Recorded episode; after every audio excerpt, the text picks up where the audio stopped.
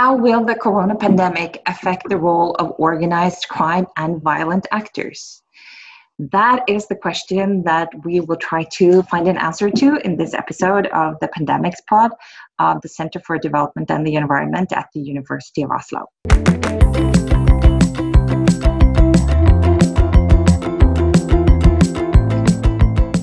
My name is Benedicte Bull. I'm a professor at the center, and in the Pandemics Pod, I call my colleagues in their home offices to ask them about issues that I know uh, they know a lot about and that have relevance for the causes or the consequences of the Pandemics Pod.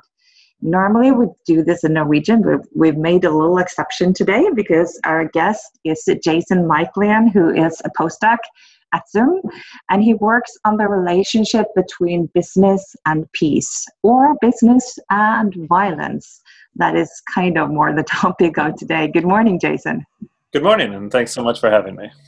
Thank you for coming, even though Barnehage didn't start today as you thought it would.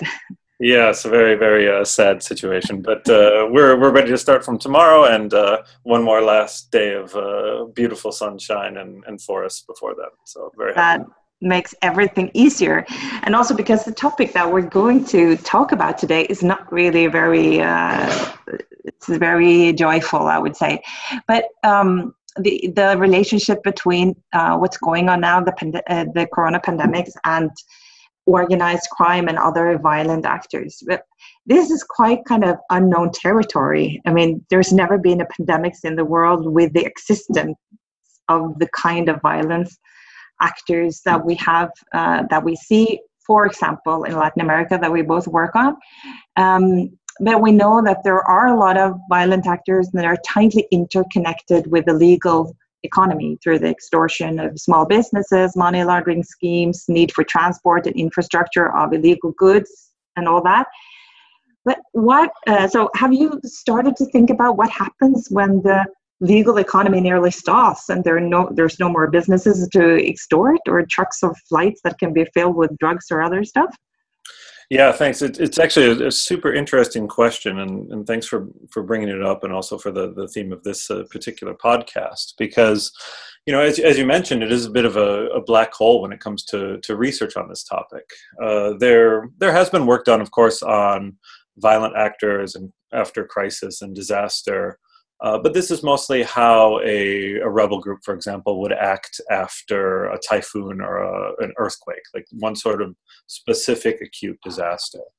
Uh, so, but these are short-term shocks, and groups in those sorts of settings tend to, you know, poke around with a little bit of aid, uh, but things get back to to normal pretty quickly.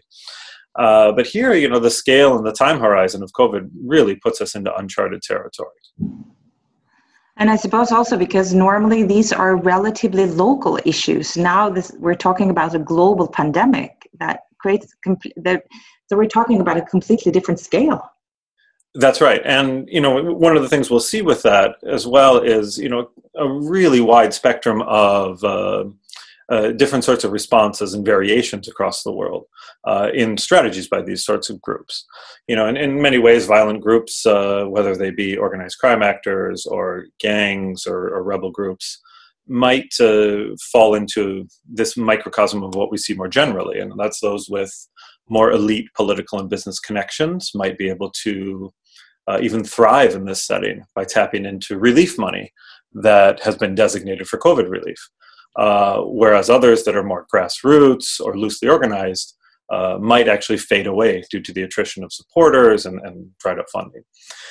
Uh, I think we'll see that most most of these organizations kind of fall somewhere in the middle. Uh, you know, their operational wings, the the sorts of people who would extort funding, uh, are largely just waiting it out like the rest of us, but very much ready to resume their activities once uh, once things start to return to whatever this new normal is. We've seen some. We've seen some quite uh, quite uh, interesting examples of, of their reactions. For example, in El Salvador, the local gangs have evidently given the the businesses a kind of a tax break, but but uh, given the message that they will resume their tax collection in quotation marks after the, after it's over. In in Mexico, the Cartel Jalisco Nueva Generación evidently handed out boxes of food to the local population with their logo on. and this is a major criminal organization. What can that mean for the, their further role in society after this is over? Yeah, I think that both of those examples really speak to the fact that these sorts of groups are nothing if not resourceful. So I have no doubt that they will find a way to profit and succeed from whatever the, the future landscape looks like. Um, but you know, whether we talk about tax breaks or you know charity, uh, a lot of the strategies that these sorts of groups are employing now that we see fall under the umbrella of governance. You know, first and foremost, they want to show that they can be at least equally and maybe even in some cases more trusted than the government to help during crisis. And the smart ones realize that this is a once in a generation opportunity to do so. Um, so I can give a couple of examples of, of how this works out in practice too. Uh, you know, first they want to try to present themselves as capable of governing. Um, you know, I agree that it's very comical that you know the concept of a gang granting a tax break. Uh, you know that that sounds uh, it sounds silly, uh, but at the same time, it's really smart public relations uh, because it gives the impression that they're actually doing something with tax revenues, just like a, a municipality or government would. Uh, and since the sorts of you know businesses that they would extort don't have any money to give away anyway, uh, there's really not much else that they can do. Now, of course, people you know will a lot of people will see through this spin, but the act is just about it's just as much about building an impression of the group as legitimate as it is about any charity that they're actually giving. Um, but of course, groups also have to give something concrete, otherwise they'll lose support. You know, and, and cartels handing out food boxes is a no-brainer. Uh, the you know governments all over the world are so overloaded with all the other elements of crisis response that communities, uh, especially poor and marginalized communities, can very easily fall through the cracks. Uh, cartels can make these magnanimous displays of charity that are infinitesimal portion of their budgets uh, but they you know give this impression like they are uh, again doing uh, the activities of governance and therefore are worth being supported and, and even being trusted We've also seen a, a different kind of, of, violent organization. The ELN guerrilla in Colombia has offered a ceasefire uh, during the corona crisis. What does that mean? What should we read out of that? Well, and you know, the ELN is a is a is an armed uh, organization that has been in a long-standing conflict with the government of Colombia. Uh, they've had this on and off peace up, peace process for the last three four years or so, uh, which was quite off when when COVID hit. Um, but ELN was one of the first armed groups in the world to announce a ceasefire, and they did it specifically because of COVID. Um, now, as opposed to you know a mafia or a gang, uh, a, you know, a more political uh, rebel organization like the ELN would also think about the short, uh, not just the short, but also the long-term consequences of this crisis and ways that they might use it to their political advantage. Uh, so a ceasefire like this can, can serve a few different purposes. Uh, the first is that it gives the public impression that the ELN is putting a health crisis over politics. Uh, the UN came out with a call for a global ceasefire the ELN aligns with it, and then they get good uh, national and international press uh, by looking more responsible, more adult, uh, and, and perhaps even an equal negotiation partner with the government in the face of this challenge. But it also, of course, carries private benefits for the, the group too. Um, had they not called for the ceasefire, uh, there's a chance that the Colombian military would have used it as an excuse to go more deeply into uh, their areas, uh, the, the, the, areas that they hold, which would be absolutely the last thing that they would want. Uh, but again, the ELN really wants to show its supporters that it can govern. Uh, and taking proactive measures regarding COVID is an opportunity to do that. Um, but then I'll just just wrap that up by saying, you know, finally, uh, you know, there's a way in which you, you, can, of course, go too far, and the devil is always in the details. So the ELN has called for a curfew in their regions to show that they are, you know, doing the same sorts of things as governments. Uh, but their response is, if you break the curfew, we will treat you like a military target, which would mean taking you in for forced labor or even summary execution. uh, which is, of course, quite different than how most other governments have handled the curfew breakers. So, uh, so the real question comes in, in about 10 days or so, the ceasefire comes up.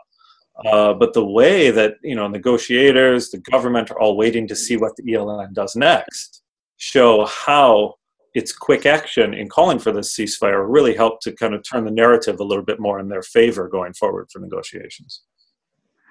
So this is this ends up being kind of like a competition for legitimacy and for controlling governance. But how are then the governments reacting to these initiatives? Yeah, that's the, that's the real wild card in many of these situations because you know there are there will be a minority who think that they can just you know jump back into the old uh, security operations as if nothing's changed, and they might be quite surprised. Uh, others are taking a more aggressive attack uh, tact, uh, using the opportunity to increase surveillance tools and erode civil liberties in the name of security, uh, and you know that can include you know apps that are you know have dual use purposes for social distancing but also tracking people. Um, you know but other situations are you know government is basically handing a gift to to violent actors. And i think a good example of this is in brazil where bolsonaro's response created a real vacuum of local leadership especially in urban areas. Uh, so so gangs and other violent actors can step into this void uh, they establish curfews and provide some services. You know it's it's their chance to show that the thing that they promise often that they can do you know provide security uh, and you know give services to the people they can actually do these things at this time where the government has very low capacity and they have comparatively very high capacity. So in that, in that way a lot of these violent groups you know have it better than they've ever had it before at this exact moment they just need to be a little bit less corrupt than the government provide a little bit more security uh, or a little bit more social services, and it might uh, it might breed some uh, at least short term loyalty boosts. Uh, you and I we're soon going to start uh, a new project uh, that we just got funded on how small businesses survive and grow in highly violent contexts. Um, how do you think the corona pandemic affects small businesses' relations to violent actors in the long run? Well, you know, more generally, I have a, a, you know a little bit of a contrarian take on this because we've we've seen in the media and in academia about how you know COVID is going to change everything. Uh, that's undoubtedly going to be true for some fields and some activities. Uh, you know, but when we talk about you know business, uh, I, I have the impression that there's going to be such a deep desire to get back to doing the way the things that we did before that any institutional memories of doing things different, uh, you know, they they might be short lasting.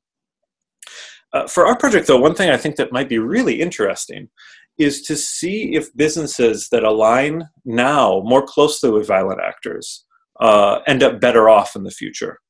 Uh, and this would mostly be, for example, businesses that connect with violent actors to get loans to survive through the crisis uh, who are or, you know undertaking illegal activities in order to survive, as opposed to those who play it straight and go bankrupt. So what you might have is when when the when economies start to reopen, those who worked with these violent actors uh, might find themselves in a very attractive business position uh, because they'll have less competition uh, and be uh, more uh, financially secure.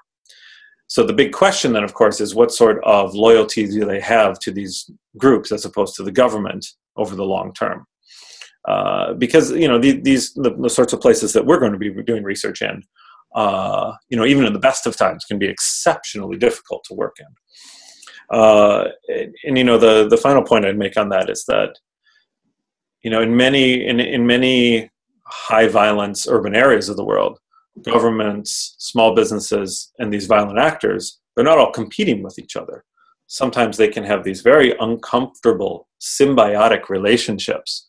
And the one thing they'll want to do more than anything else is for everyone to get back to doing what they were doing before, because everyone was making money that way. So that'll be a couple of the ways in which uh, we might see some changes, and I think could be really interesting for our project interesting for our project and pretty scary for most of people living in those areas if that means increased collusion between criminal and uh, legal, semi legal actors, and actually the increased blurring of boundaries between all of this, I would say. Oh, yeah, I think I need to take a deep breath and continue my morning coffee to digest all these, these uh, scenarios. Uh, hope you have a good day, uh, enjoying it, enjoying the last day with your kids before they're sent back to Barnehage tomorrow. Great. Thanks, Thanks a lot, Jason. Thanks so much for having me, and, uh, and take care.